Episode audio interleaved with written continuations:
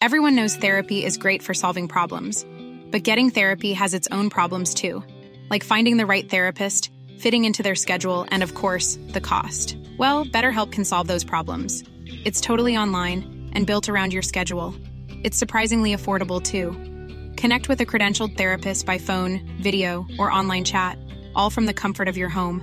Visit betterhelp.com to learn more and save 10% on your first month. That's BetterHelp H E L P.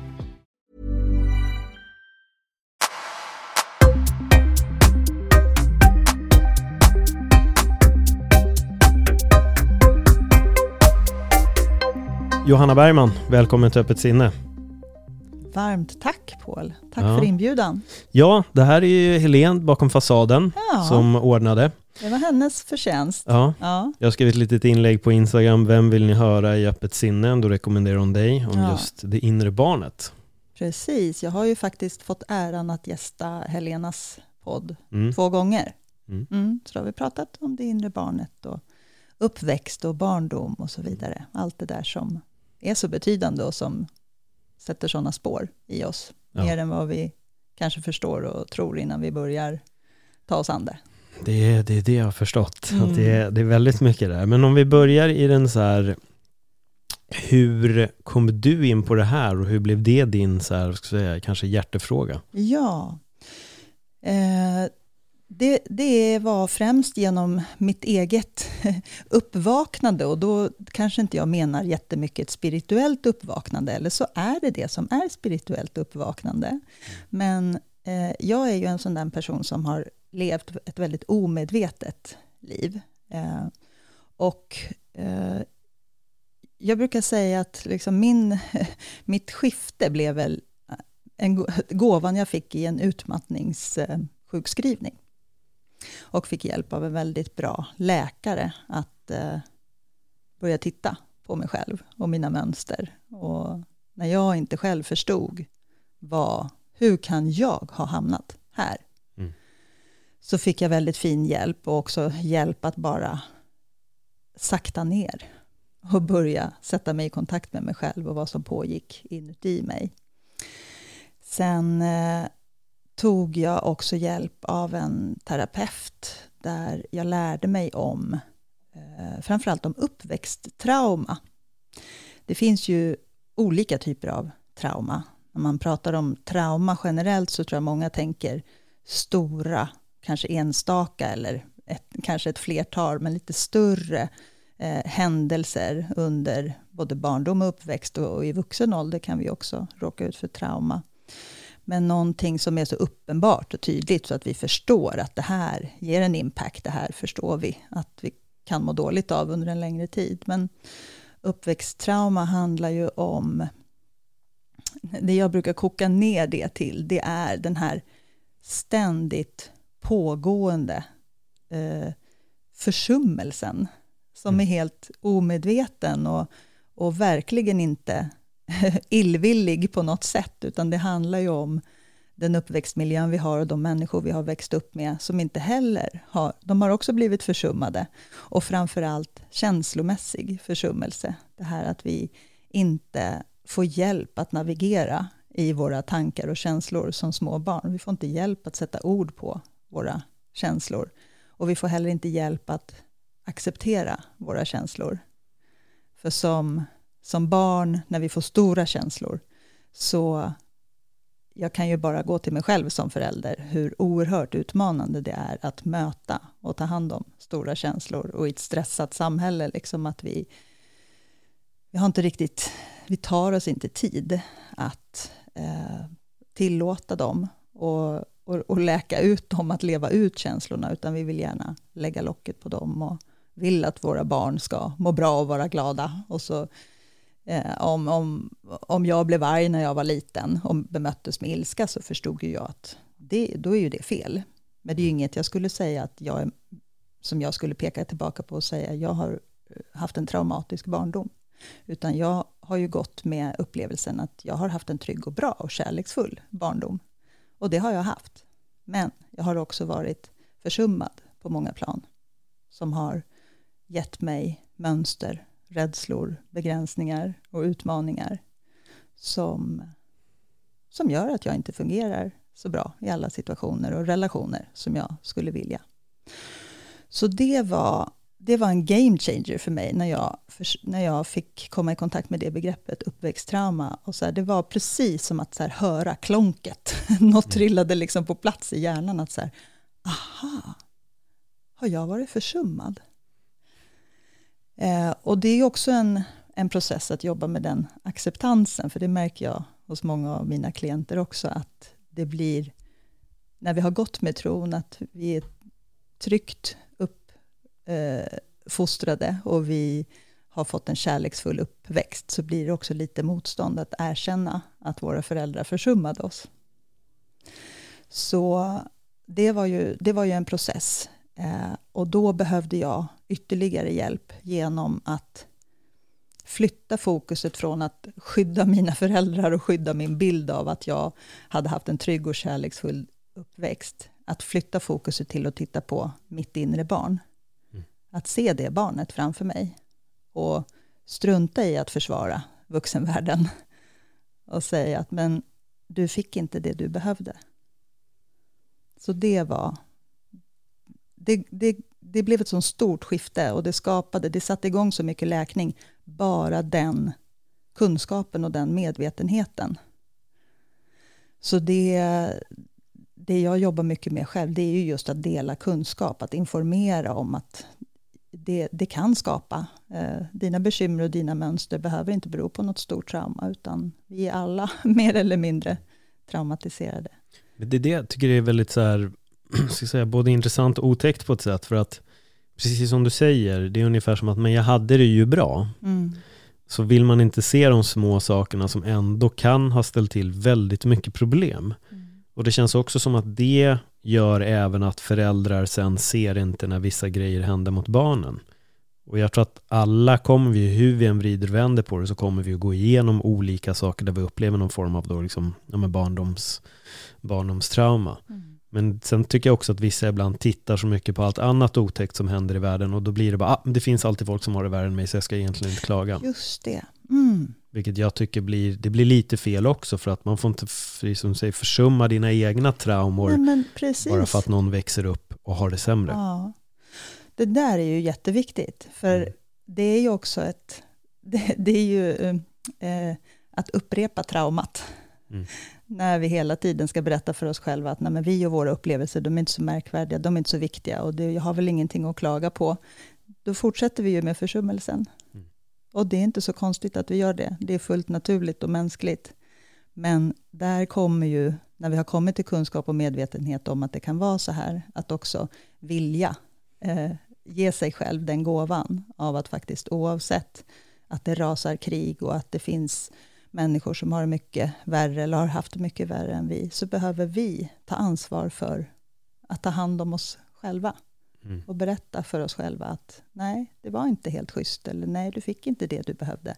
Du var värd mycket mer, eller någonting helt annat, eller lite till av det här, lite beroende på hur mycket försummade vi kan landa i att vi nu var. Då. Hur mycket tror du att vissa människor kanske till och med förvränger sin barndom? Med att ja, men allting var perfekt. Ja. Att så här, jag har haft det jättebra, det har inte varit någonting konstigt överhuvudtaget. Jag, har, tror, ja, jag tror att det är jättevanligt. Ja. Och, och även, även klienter som kommer till mig, som ändå har tänkt att, aha, jo men det är nog något med mitt inre barn som jag vill ta hand om. Som har jätte, jättesvårt att acceptera. Så någonstans har de ju en insikt och en vilja att lyfta på locket och börja titta på, hur hade jag det då? Och ändå så kan det sitta så hårt åt att nej, men det kan inte ha varit mina föräldrar, eller nej, det kan inte ha haft med dem som jag hade runt omkring mig mm. att göra. Um, och det, jag tänker det är ju också en, en process att gå igenom, att jobba igenom det motståndet. Och då får man ju fråga, fråga runt om uteslutningsmetoden sen då och komma fram till att ja, men vem var det som vem var det som fanns där när du var arg eller ledsen? Vem gick du till och berättade hur du mådde? Och vilka fanns i närheten då? då? Nej, men mamma, min mamma hon blev så himla ledsen om hon såg hur ledsen jag var. Mm, just det. Så då tog du mer ansvar för mammas känslor än för dina. Och du la locket på dina egna känslor för du ville inte göra mamma ledsen. Mm. Eller om jag blev arg så blev mina föräldrar arga. Min pappa skrek på mig när jag uttryckte mig, min ilska. Locket på. Liksom. Så jag tror att det är, det är nog väldigt, väldigt vanligt att vi vi, säger jag, vi som är omedvetna, nu har ju jag under tio års tid jobbat, jobbat upp med medvetenhet och också jobbat mycket med min läkning, men, men jag identifierar mig ju väldigt mycket med de klienterna som kommer till mig. Eh, att man har den här omedvetna, eh, man har en känsla av att det är någonting som inte stämmer, men jag fattar inte varför jag inte mår bra. Mm. Och det är ju det där, jag har ju haft det bra, varför mår jag inte bara bra? Hur kommer man åt det? Hur, hur når man dit och inser? Alltså, jag brukar ju jobba i lite olika steg. Det första är ju när, när eh, en klient kommer eller när, eh, när man pratar generellt så tänker jag så gäller det att bygga, bygga upp en tillit och en trygghet. För det vi inte kan tillåta hos de känslor vi inte orkar känna och, och vågar tillåta hos oss själva, det är svårt att gå till en terapeut eller en coach och lägga upp dem vid första mm. försöket. Liksom, utan det är ju en process att komma in i det. Men jag har ju tagit till hjälp av att prata om några olika teman på olika sår. Eh, som jag jobbar efter en, en teori att det finns fem eh, huvudsakliga teman på sår. Och det handlar om att vi är rädda för att bli avvisade, övergivna. Eh, eh, ett tema är svek, ett annat är förödmjukelse och det sista är orättvisa. Så alla de såren finns det ju olika anledningar till att de har uppstått. Mm. Och då säger, säger ju namnen ganska tydligt vad det är, att vi har upplevt oss avvisade eller att vi har upplevt att vi blev övergivna. Och det kan både vara fysisk övergivenhet och det kan vara känslomässig, mental. Alltså, det är ingen som lyssnar på mig. Jag får inte hjälp med att liksom tänka mina tankar och utveckla mina tankar, förstå mina tankar. Eh, svek. Min, min pappa kom aldrig på min basketmatch, fast han sa varje gång att han skulle komma. Eh, orättvisa. Jag blev jämförd med mina syskon eller eh, förödmjukelse. Att liksom bli tilltryckt för den man är eller hur man ser ut eller hur man beter sig. Och förödmjukelse kan vara någonting så enkelt och oskyldigt som att en förälder pratar om en man är liten och man står och håller sin förälder i handen och det är något sammanhang där någon försöker hälsa på en och man kanske inte liksom hälsar tillbaka och då kan det räcka att en, en obetänksam förälder säger så här, ja nej men hon är så blyg. Det kan vara, det kan bli ett förödmjukelsens sår. Sen är det ju så att de här sakerna behöver ju upprepas, det behöver ju vara som ett, ett mönster mm. för att verkligen bli ett sår. Men den, de olika temana skapar liksom olika beteendemönster utifrån hur vi då tänker om oss själva och de rädslorna som är kopplade till de här såren, att vi vill ju undvika till varje pris att känna oss avvisade, övergivna, svikna, förödmjukade eller orättvist behandlade. Så då skapar ju, vi är ju så smarta som små, små barn, skapar vi ju strategier för hur vi ska slippa känna de här såren. Och anpassar oss ju hela tiden efter hur, hur vi tror att vi bäst kommer att få tillhöra flocken, säger jag, för att jag pratar ju också om hjärnan som, som ju inte har utvecklats särskilt mycket sedan vi levde på savannen, så den här rädslan som egentligen alla såren bottnar i, att vi ska bli ensamma, att vi inte ska få tillhöra, att vi inte ska få vara älskade och få vara med. Mm. Den, den instinkt, det är en överlevnadsinstinkt som ser till att vi utveckla de här strategierna för att vi ska överleva, för att vi inte ska bli ensamma och, och övergivna. Um, så jag brukar säga det att det smarta barnet har ju skapat de här strategierna. För många som börjar se att jag har ganska mycket ofungerande mönster och jag beter mig alltid så här. är det ju, vissa ser ju det, andra ser det ju mer som att bara alla andra är ju, behandlar mig som skit hela tiden och jag, jag förstår inte vad jag gör för fel. Men den, den gemensamma nämnaren och den enda man kan som det egentligen är värt att titta på och, och försöka skapa förändring hos är ju sig själv. Eh, så med hjälp av liksom de temana exempelvis så kan man ju titta på, mm, ställa frågor utifrån, så här, okay, utifrån olika situationer, utifrån olika reaktioner, hur tänker du, hur, vad gör du, eh, hur brukar du bete dig i det här, så kan man liksom koka ner det lite till att det kan, det kan handla om att eh, man är rädd för att bli sviken eller övergiven. Och det är ju lite så också, de här såren går, de, det finns en ganska detaljerad teori om att så här, övergivenhetens sår uppstår mellan ett till tre års ålder i förhållande till föräldrarna motsatt kön, till exempel. Och kan man koka ner det, om jag kan höra att så här, det, det finns ett övergivenhetstema, hur var det hemma? Hur såg det ut hemma? Hur var din pappa hemma och hur var han hemma när du var ett till tre års ålder? Och, och för det mesta minns man ju inte det. Mm. Men man kanske kan få information ifrån den andra föräldern eller fråga pappa eller den förälder det nu gäller. Um, och, för, och liksom försöka föreställa sig. Och vet man då att nej men han var ju, han, han var ju i eh, Frankrike och, och jobbade flera månader på raken. Mm, Okej. Okay. Han var inte där då. Liksom. Mm. För det är, jag, jag kan tänka mig också som förälder, när man ser många som strävar efter karriär och sånt, kanske skådespelare eller håller på med idrotter, eftersom att jag jobbar mycket med MMA då, då så är det ju mycket att så här, ja, men nu har det varit camp i åtta veckor, jag har inte träffat min familj. Mm. Och då är det ju barnen som blir drabbade. Ja. Hur mycket påverkar det dem? Mycket. Mycket. Små barn.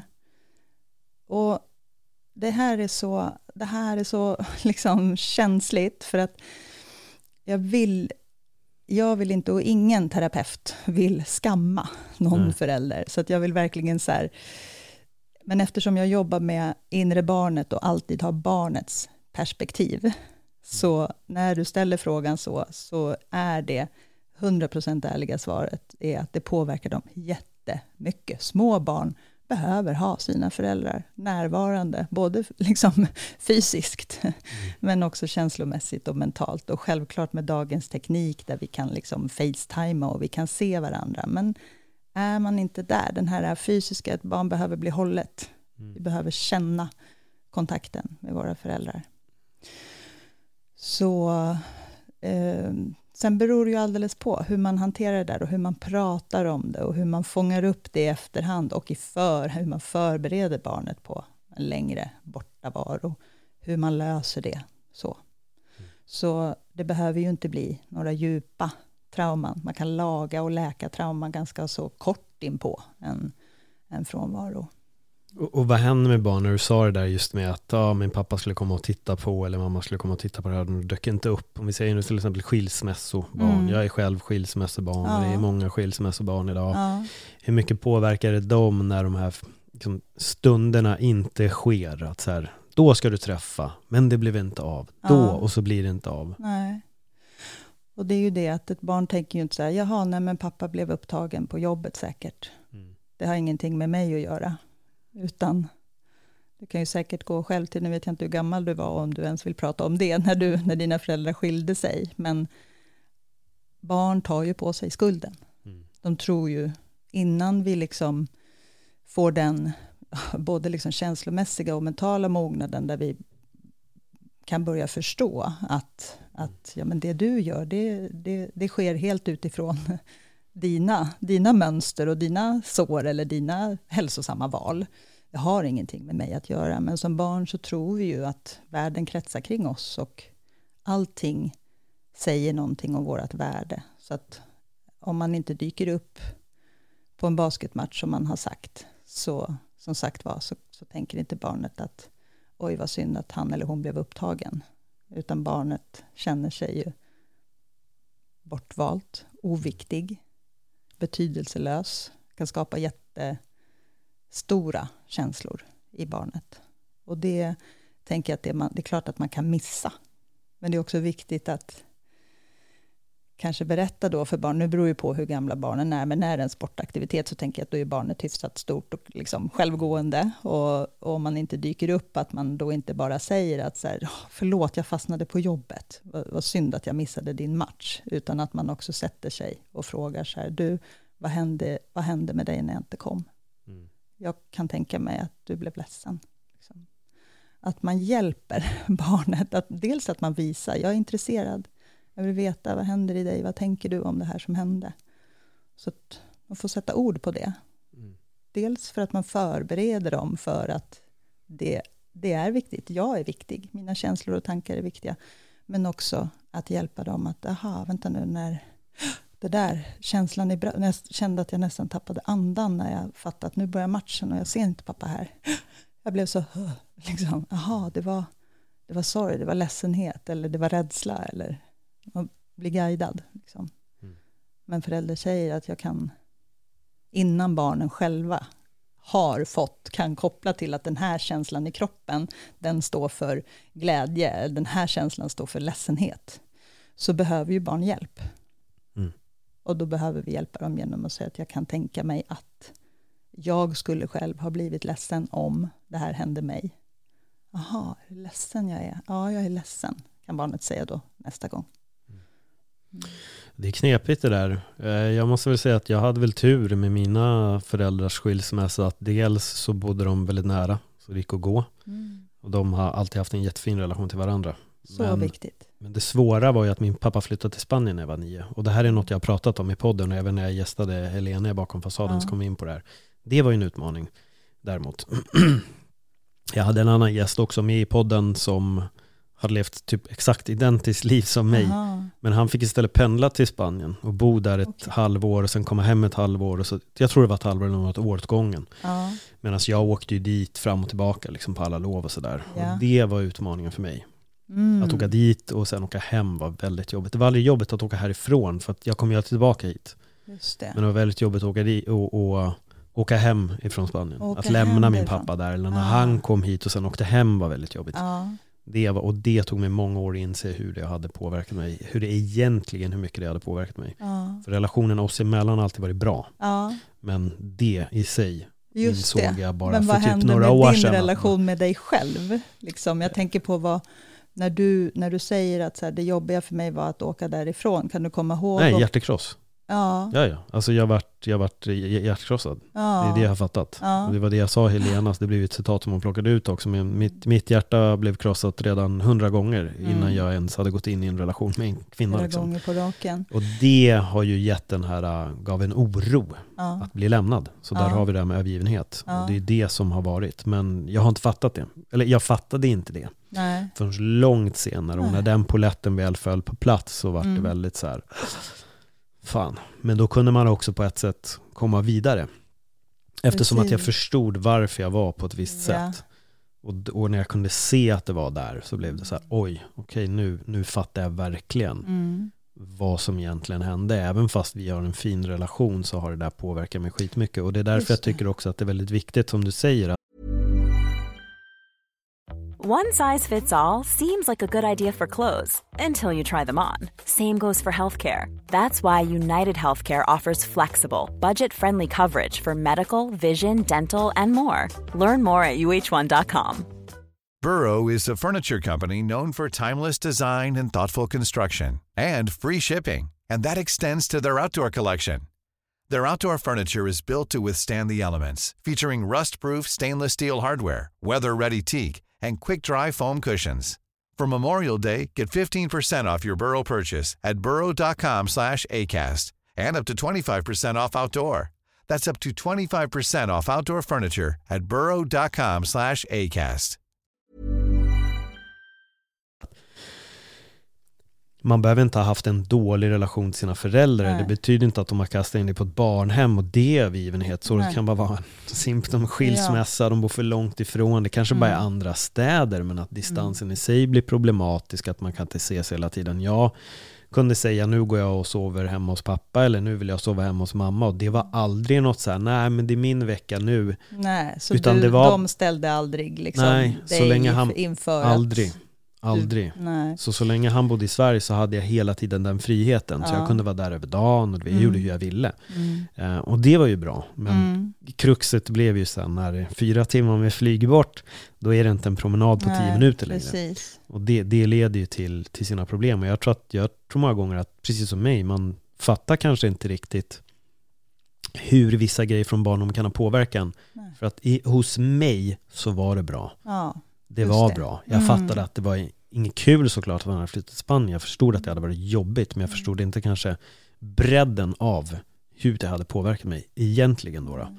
Ehm, men som sagt, det här har jag pratat om i podden också Mm. tidigare. Så Mm. de, ni som följer podden, ni känner till den här, Ja, den här storyn. okej.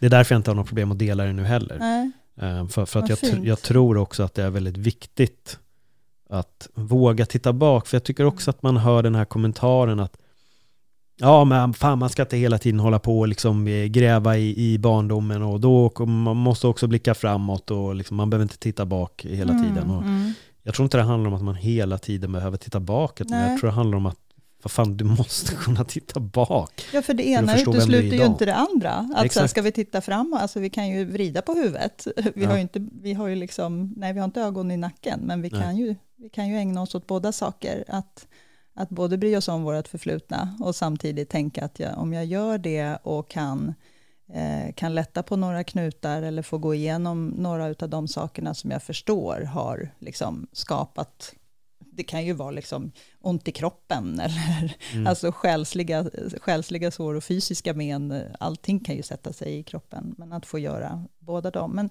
jag tänker på, jag blir ännu mer nyfiken Mm. på den där 9-10-åringen. Kan du komma ihåg om det var så i det där avskedet, att du kände också ett ansvar för din pappa, att du kände att du gjorde honom ledsen om du åkte därifrån? Nej, Utan nej, var, nej så, så har jag aldrig känt. För jag vet att det var flera gånger då jag var så här, okej jag har varit här i nio veckor nu, jag ska vara här tio, men jag pallar inte. Liksom. Jag, jag vill hem imorgon. Och han jobbade Ja. på SAS. Så Ja, det, jag var inte var låst vid en biljett, utan Mm. han var bara, se till när du vill hem, du får senast åka hem här, för då börjar du plugget. Liksom. Mm. Men ibland kunde jag bara känna att jag är färdig, liksom, jag vill hem. Men det var alltid väldigt jobbigt ändå. Det blev alltid, sen hur gärna jag än ville hem, Mm. så vart jag så ledsen när jag väl klev på planet. Ja. han följde alltid med mig hela vägen in eftersom att han jobbade där. Mm. Eh, Men där, där vart jag ju alltid ledsen. Liksom. Mm. Och då bröt jag ihop. Och det Mm. hände ju hela tiden. Och det hände ju även när han kom hit. Så var det ju så här, så jä- som en lycka liksom. Och varje gång han skulle åka. Och jag klurar väl själv lite i det där att jag tror att när man är ung nu vet jag att man lever ju inte bara i nuet när man har blivit liksom 10 och 9 och 10 och uppåt, men jag tror ändå att det där framtiden, alltså ett år var så långt Mm. ändå. Jag minns en sommar var ju en evighet. Ja, nu, sommar precis. nu, det är ju så här pang, Ja. borta. Ja. Men det var inte det då. Nej. Somrarna var väldigt långa och jag vet att att komma hem så kunde jag ändå förstå att okej, jag åker inte dit förrän nästa lov. Sen kan han väldigt spontant komma hem eller hit. Liksom. Eh, men det, det är därför jag tror att det var nog aldrig lika jobbigt att lämna mamma här. För jag visste alltid att jag kommer hem. Det Även var fast din jag, bas. det Liksom. var ju det. Så att jag visste, Mm. dit åker jag ju alltid. Och jag vet ju alltid när jag kommer tillbaka och hur länge jag sen kommer vara här. Mm. Men det tuffa var ju där liksom. Mm. Att kunna åka hem och det, det, det tog. Mm. Det, det gjorde det. Men Mm. jag har nog också förstått det ännu mer idag än vad jag förstod det då. Men det är väl också för att jag är väldigt villig att titta bakåt, att verkligen gräva. Mm. Och gräva och gräva i väldigt mycket. Mm. Kanske mer än vad många andra gör så vill jag hitta svar. Liksom. Och jag tycker att man gör det Mm. ändå. Jag tycker ändå att man hittar svaren där. Mm. Ja, det, det är en viktig källa till, till, en, till en ljusare framtid, om vi nu liksom ska prata om de som vill se framåt. Att, att det, är, eh,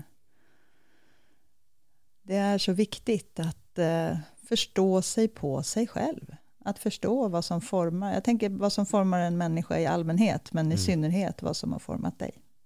Men jag tänker så här också, för eh, det behöver inte bara vara skilsmässor som gör att man får sina övergivenhetssår. Nej, vad hette det? Ja, övergivenhetssår, avvis, alltså Precis. Avvisning och övergivenhet kan ju ligga väldigt nära varandra i känslor. Mm. För jag tänker också att det finns ju de här kompletta familjekonstellationerna Mm. där de är hela tiden. Men det finns en total avsaknad av istället kärlek. Mm. Man kanske inte kramar barnen. Man kanske inte säger jag älskar dig. Man Nej. kanske inte visar den här uppskattningen för dem man har där. Mm. Liksom sina söner eller döttrar. Mm. Eh, hur påverkar det? För det kan väl på något sätt också bli en så illusion, ännu mer illusion av att alltså, vi hade det ju skitbra. Mm. Vi hade aldrig problem ekonomiskt, allting var fint, vi var en, en, en kärnfamilj på ett sätt. Mm. Men det fanns en brist på kärlek. Mm. Hur påverkar det? Det, det ger ju ett, alltså den, den känslomässiga eh, närheten, den, det kärleksfulla, ömsinta, närvarande bemötandet. Någon, vuxenvärlden visar intresse, vi är nyfikna.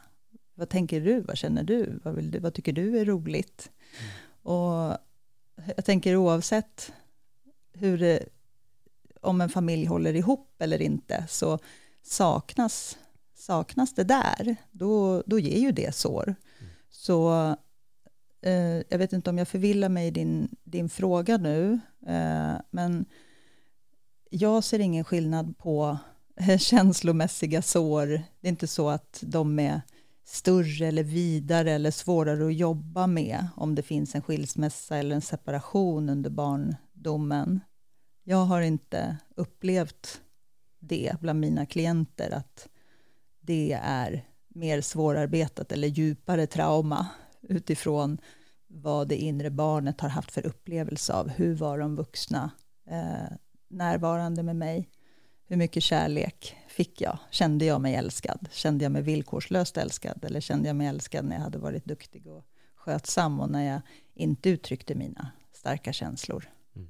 Och det kan ju vara, starka känslor kan ju vara lika otillåtet i en stor, bullrig, till synes kärleksfull och härlig familj, liksom, som i en familj där, där vuxna kanske ja, jag tänker välutbildade eller medvetna och verkligen har en god vilja. Och med det vill jag också säga så här, alla föräldrar har en god vilja. Det är inga föräldrar som vill skada sina barn och ge dem de här känslomässiga såren.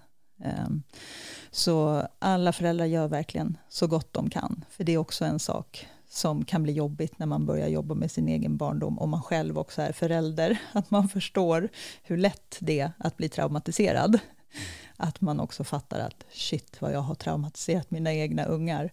Ja, det har vi troligtvis allihopa gjort som har barn och som är föräldrar. Men, men eh, det går att fånga upp och läka i efterhand. Om inte annat så får vi ju se till att spara i fonder åt våra barn då, så de har råd att gå i terapi när de blir, när de blir vuxna. Jag tror jag kom ifrån frågan lite, du får leda Nej, mig tillbaka jag, till den. Jag, jag tycker det var bra, för anledningen till att jag frågar var det här är så många år sedan, men det var en, en, eh, ett ex till mig, hennes kompis, vet jag, eh, hon berättade alltid att det var, hon var som lite malplacerad i sin egen familj. Liksom. Ja. Nu, min, det kanske är en efterkonstruktion, men jag har för mig att han, pappan hade träffat en ny kvinna och det kom in andra barn i den familjen. Liksom. Jag har för mig att det var så. Men jag vet att när jag var hemma hos henne så fanns det en bild på familjen och de står på en flygplats. Liksom. Och där är pappan då med tjejen och två barn och de står och ler jättemycket. Men då står den tjejen som jag känner typ en meter bredvid och är tårögd. Och den bilden sa så mycket och jag vet att jag fastnade för den. För jag var så här, oj det här är så skrämmande med det som jag har hört. Ja. Om hur hon bara känner sig liksom malplacerad i den här familjen. När här står de fyra stycken och bara är superglada. Ja, hon står talande. lite vid sidan om och gråter. Mm. Och den bilden var liksom uppsatt som och om det var ett uppe. fint porträtt. Ja, ja, Jag tänker det är ganska talande då också för vilken omedvetenhet, ja. vilken icke-närvaro i hur mår vi i den här familjen. Ja. Om man sätter upp det som en, här var en fin familjebild, när man så uppenbart då, då som ja. utomstående kan se att här är någon som är lite utanför och ledsen. Mm. Mm. Och det är, det, det är därför jag frågar lite den här frågan, att mm. Man kan ju även vara i en familj där man, man tror på ytan att allting är bra. Ja.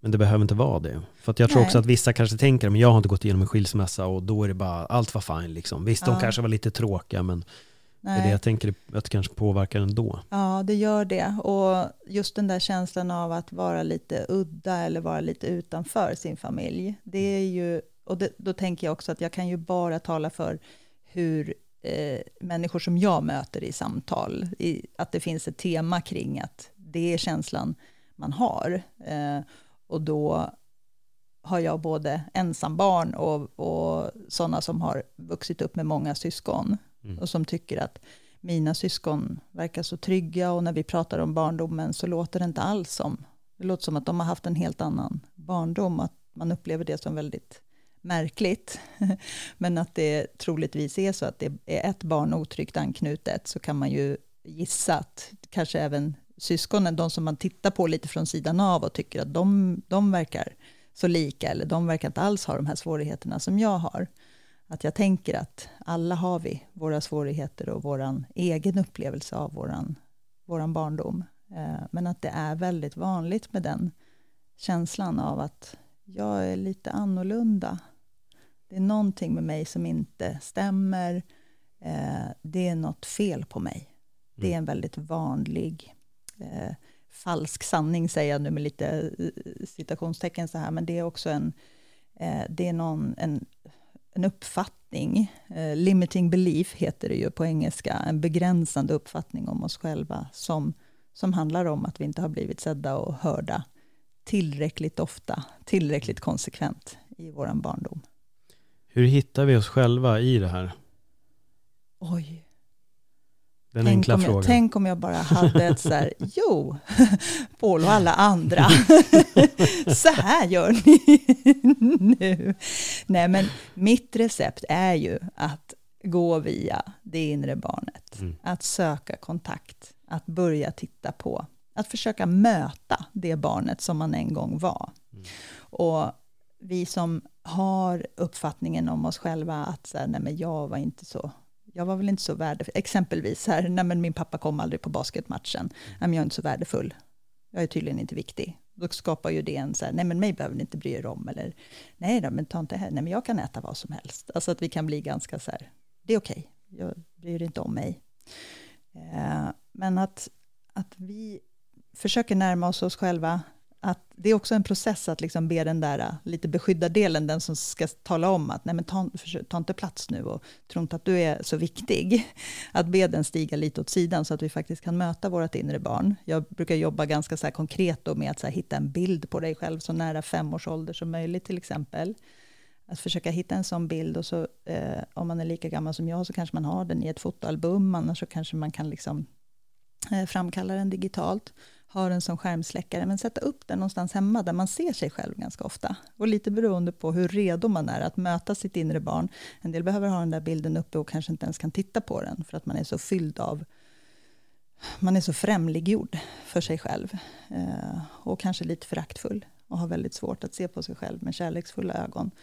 Men att börja närma sig sig själv genom en bild på sig själv som barn och försöka börja titta på den ganska ofta och kanske börja småprata lite mer än till att till slut, jag rekommenderar ju att sitta liksom med en kudde och låtsas att man håller sitt inre barn. Och de steg, det kan vara liksom ett steg för en person och det kan vara tio månaders samtal för en annan person för att komma dit. Eh, men att hitta en bild på sig själv eller skapa en känsla av att du kan hålla i dig själv. Och sen börja eh, berätta för sig själv att du fick inte det du behövde. Jag är jätteledsen för det. Men jag är här nu och jag tänker inte överge dig. Jag tänker inte avvisa dig. Jag tänker inte behandla dig orättvist längre. Aldrig, aldrig mer. Jag släpper inte dig. Du är trygg här hos mig. Jag älskar dig. Och det det kan kännas jätteawkward och det kan kännas som att man bara sitter och hittar på och ljuger för sig själv i början. Men när man fortsätter och upprepar det här, till slut så går det in. Skölden försvinner, skyddet försvinner och man börjar känna hur den kärleken kan strömma in. Och då, då sker det enormt mycket läkning, då kanske man inte ens behöver minnas exakta specifika händelser eller vad det var någon sa som kan ha skapat det här såret. För det enda barnet behöver höra det är att den är trygg, den är älskad, det är viktigt och värdefullt. Men som sagt var, det kan vara en process på en månad för vissa och för en del behöver man jobba i flera år för att verkligen skapa den kontakten och den känns, den känns och den känns sann. Så. Finns det något svar på varför det går fortare för andra och tar längre tid för andra? Jag tror att det är lite beroende på liksom hur, hur många. Det är, det är inte så att vi har ett av de här såren bara. Vi kanske har ett som är ett huvudtema. Men att det beror lite på hur, vi har, hur, hur de här såren har uppstått och hur djupt de har blivit satta. En del kanske bara har blivit en liten rispa, liksom, och det, då kanske vi läker det fort, då kanske det räcker att säga, jaha, nej men titta, jag hittade en jättefin bild på mig själv och så kunde jag se den där lilla tjejen och så kunde jag börja gråta och nu känns det jätteskönt att sitta med min kudde och jag pratar med henne.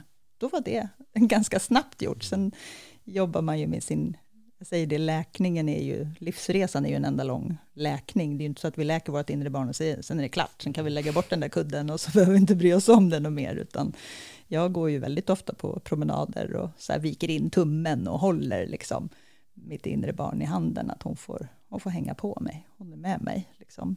Mm. Men um, det, det, är nog lite beroende på hur djupa såren är, hur många sår man har eh, och också hur eh, hårda eh, de här bedömningarna, de här falska sanningarna om oss själva är, vad de säger. Mm.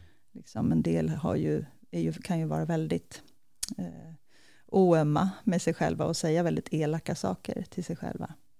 Så de behöver man ju börja säga emot och berätta motsatser till innan man kan faktiskt ta det där barnet i famnen och genuint tycka om sitt inre barn. Men alla de här dumma grejerna man säger om sig själv, mm. kommer det oftast då från barndomen? Att det är ja. där det har startat? Ja, för det mesta.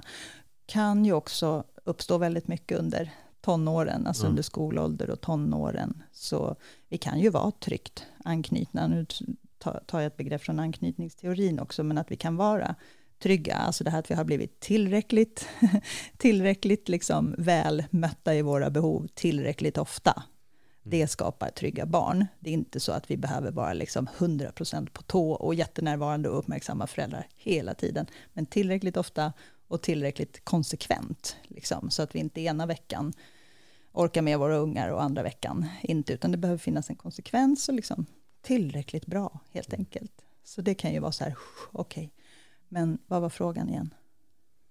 Eh, att säga dumma saker till sig själv. Ja, precis. Alltså det, det kan komma ifrån barndomen. Det behöver inte vara ord någon har sagt till en.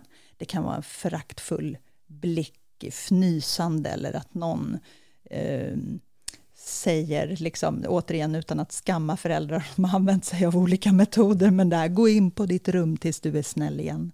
När ett barn liksom har stormande, stora känslor, snacka om att så här, det får man inte ha. Lägg locket på dem istället för att vi får hjälp med att så här, oj, jag märker att du är jättearg och ledsen. Berätta, vad behöver du? Eller vill du, kan jag hjälpa dig på något sätt? Vad säger du om time-out då? Som många höll på med ett tag där. Ja, ja. då blir time-out. Ja. Det är bra, dålig metod?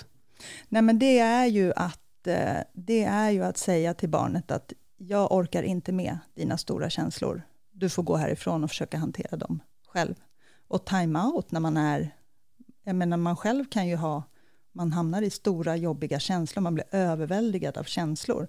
Skulle någon säga så här, time-out, mm. paus, nu gör vi något annat. Alltså det går ju inte.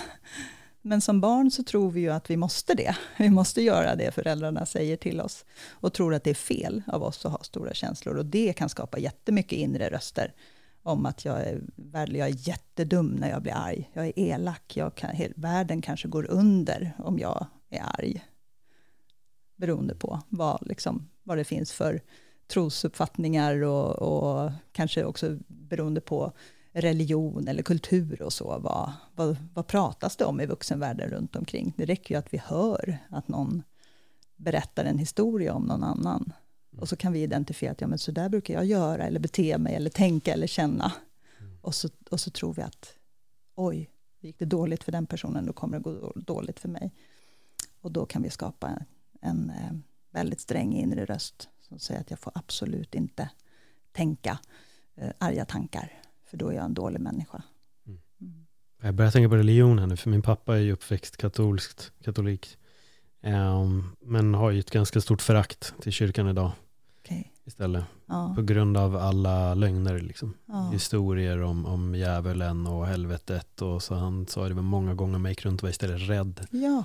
För att hamna Precis. i helvete, för man gjorde någonting. Så det låg över en hela tiden och därför har han liksom verkligen tagit avstånd till det. Då. Mm. För det måste ju också ge extrema trauman som barn oh, att höra att gör du det, uff, då finns det ja. då är djävulen där liksom. Alltså, det måste ju vara Hot och bestraffelse. Hemskt, ja. ja, jättehemskt ju. För som barn har vi har ju inga egna erfarenheter och referensramar ännu. Vi kan mm. ju inte liksom tänka att så ja, ja, jo, jaha, Det kan du ju, din, din, din undergång kanske inte ser likadan ut som min undergång. Mm. Eller nej, jag vet att inte jorden går under för att jag tänker en tanke som inte är tillåten. Liksom. Men innan vi, innan vi kan, kan tänka själva och har de referensramarna så är det ju förstås världsaläskigt att få höra vilka, vilka bestraffelser och hot som, som finns, oavsett om det är inom en religion eller inte. Men, men religion är problematisk på det sättet, mm. eh,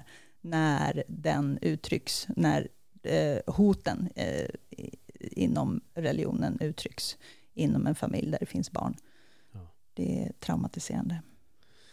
Jag har typ två frågor till. Mm. Jag tänker, vi tar den första då. Om, om någon lyssnar just nu och känner lite att oj, det är någonting med det här samtalet som gör att jag börjar känna att det finns någonting som jag behöver gräva i. Ja. Hur, hur börjar man? Eh, ja, ta, ta tipset med den här eh, bilden, att hitta en bild mm. på sig själv. Eh, för många funkar det ganska så klockrent att sådär, oj, ja men då ser jag mig själv. Och då, blir, då hamnar man i kontakt eh, med sitt inre barn. Men jag, jag, det är ju lite beroende på ens förutsättningar, men jag är ju verkligen pro-terapi eller coaching. Alltså ta hjälp av någon som, för det är ju så, alla som mår dåligt har ju inte blivit men, liksom mentaliserade eller speglade. Mentalisering betyder ju liksom det här att koppla ihop tanke mm. och känsla och också agerande sen. Men att ta hjälp med att få bli speglad. Jag, jag som är utbildad terapeut och livscoach, jag kan ju inte terapeuta och coacha mig själv, utan jag behöver ju någon som speglar mig och som ställer mig frågor som, som jag får söka svaren på. Um, och som också så säger att men jag märker att du ofta gör så här, eller nu när du svarade så där, vad, vad, vad hände, vad hade du för tanke innan då? Så att, att försöka hitta hjälp, eh, om man har de resurserna, det är ju både tids och pengakrävande. Mm. mm. Men annars så finns det ju fantastiskt många, eh, tänker Instagramkonton, alltså gratis, mm. Eh, sådana som delar mycket kunskap på sina kanaler, kan ju hjälpa jättemycket. Um, så gruppcoachning, kurser av olika slag för att samla på sig mera kunskap. Det erbjuder ju både jag och många av mina kollegor, mm. Eh, coachkollegor och terapeutkollegor. Lite andra alternativ för de som inte har möjlighet att gå i individuell terapi eller coachning. Så kan man komma långt på att lära sig om anknytningsteori. Anknytningsteori, uppväxttrauma tycker jag, det är två sådana. Det har varit mina egna game changers. Och då tänker jag att jag vet att det hjälper många att förstå att det här kan ha satt spår hos mig. Och om min anknytning inte var trygg, vad kan jag då göra för att trygga upp mig själv?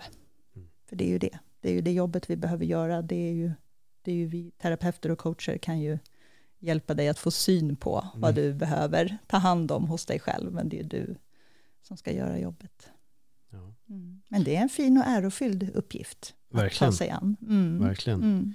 Men om man nu sitter här som förälder och känner sig halvt shamead då? Ja. Nej, jag, skojar. Ja. Om man sitter som förälder och känner att oj, jag, jag kanske gör vissa av de här sakerna som ja. har nämnts. Ja. Alltså, vad, vad, vad, tycker du att den föräldern ska tänka på? Då tycker jag den föräldern kan tänka på att så här, du är inte ensam. Alla föräldrar har gjort någonting som har skadat eh, barn, alltså sina barn. Um, för det är helt omöjligt att ge sina barn en helt sårfri barndom. Mm. Men att börja kommunicera, vara transparent med dina barn och säga, jag har gått tillbaka till min dotter och sagt att så här, vet du vad jag har kommit på? Förra veckan när du kom till mig och sa det här eller gjorde så här och jag reagerade så här och sa så här till dig. Jag kommer på att det var inte bra av mig. Jag tror att du hade behövt att jag hade satt mig ner och lyssnat. Bara lyssnat och inte sagt åt dig vad du borde ha gjort istället.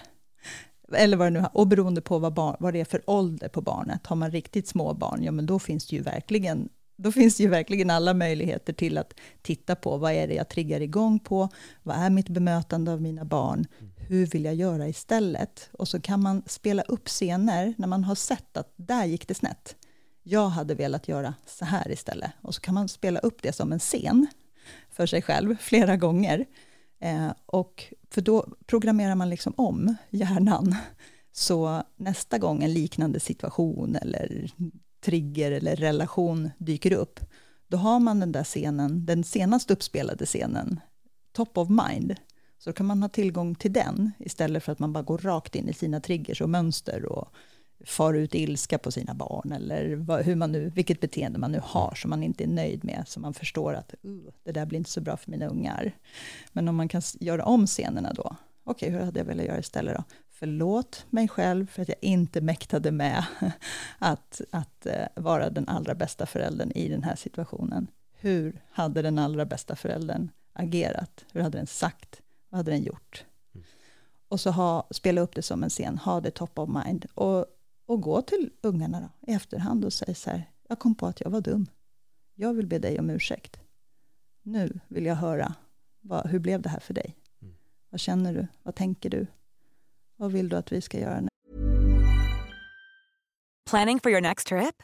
Elevate your travel style with Quince. Quince has all the jet-setting essentials you'll want for your next getaway, like European linen, premium luggage options, buttery soft Italian leather bags, and so much more and is all priced at 50 to 80% less than similar brands. Plus, Quince only works with factories that use safe and ethical manufacturing practices. Pack your bags with high-quality essentials you'll be wearing for vacations to come with Quince. Go to quince.com/pack for free shipping and 365-day returns. Jag vill ge dig en, jag vill ge dig en kram när du är redo. Mm. Så att vi visar för barnet att du är viktig. Det som händer med dig, det är viktigt. Jag, jag har gjort fel. Det är väldigt viktigt att barn förstår att vuxna kan göra fel. Det kan vi också behöva säga. Vuxna kan göra fel. Mm. Och jag gjorde fel nu.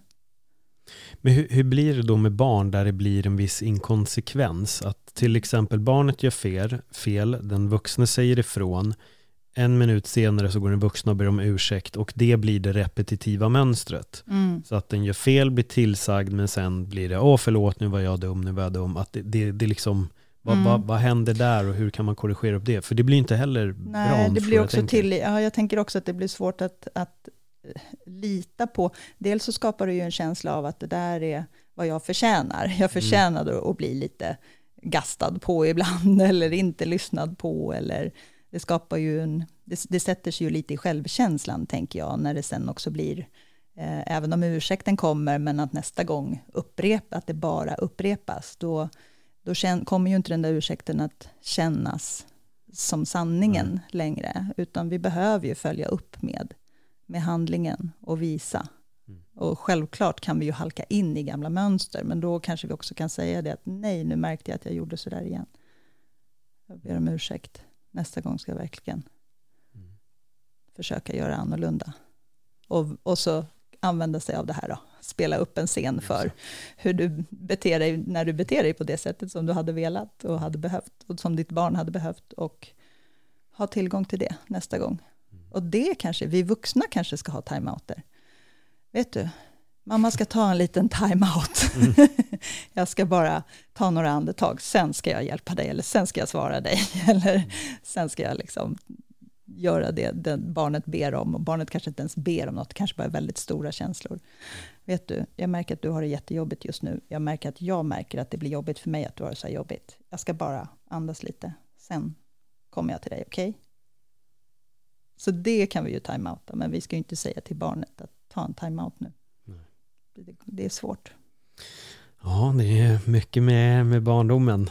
Det är verkligen det är, är en knepig balansgång där. Ja, jo men också se det som att alla, alla som lever här på jorden går ju runt med sina sår och traumor liksom och ändå så är vi, vi är ändå förhållandevis väl fungerande och ja. vi har vi har kärlek och vi har relationer och en del av oss är ensamma och har inte så mycket kärlek och relationer men vi, vi ehm, jag vill också så här ta, liksom, det finns en sån tyngd också i att må dåligt och att det är, så här, det är helt rimligt och normalt att vi också går runt och mår dåligt. Mm. Men det är ingenting som säger att, vi, att det identifierar oss och att det är någonting vi behöver göra. Men ibland mår vi dåligt och även fast vi har blivit medvetna och även om vi kanske har läkt mycket så, så mår vi dåligt ibland. Mm. Livet är utmanande och livet är svårt.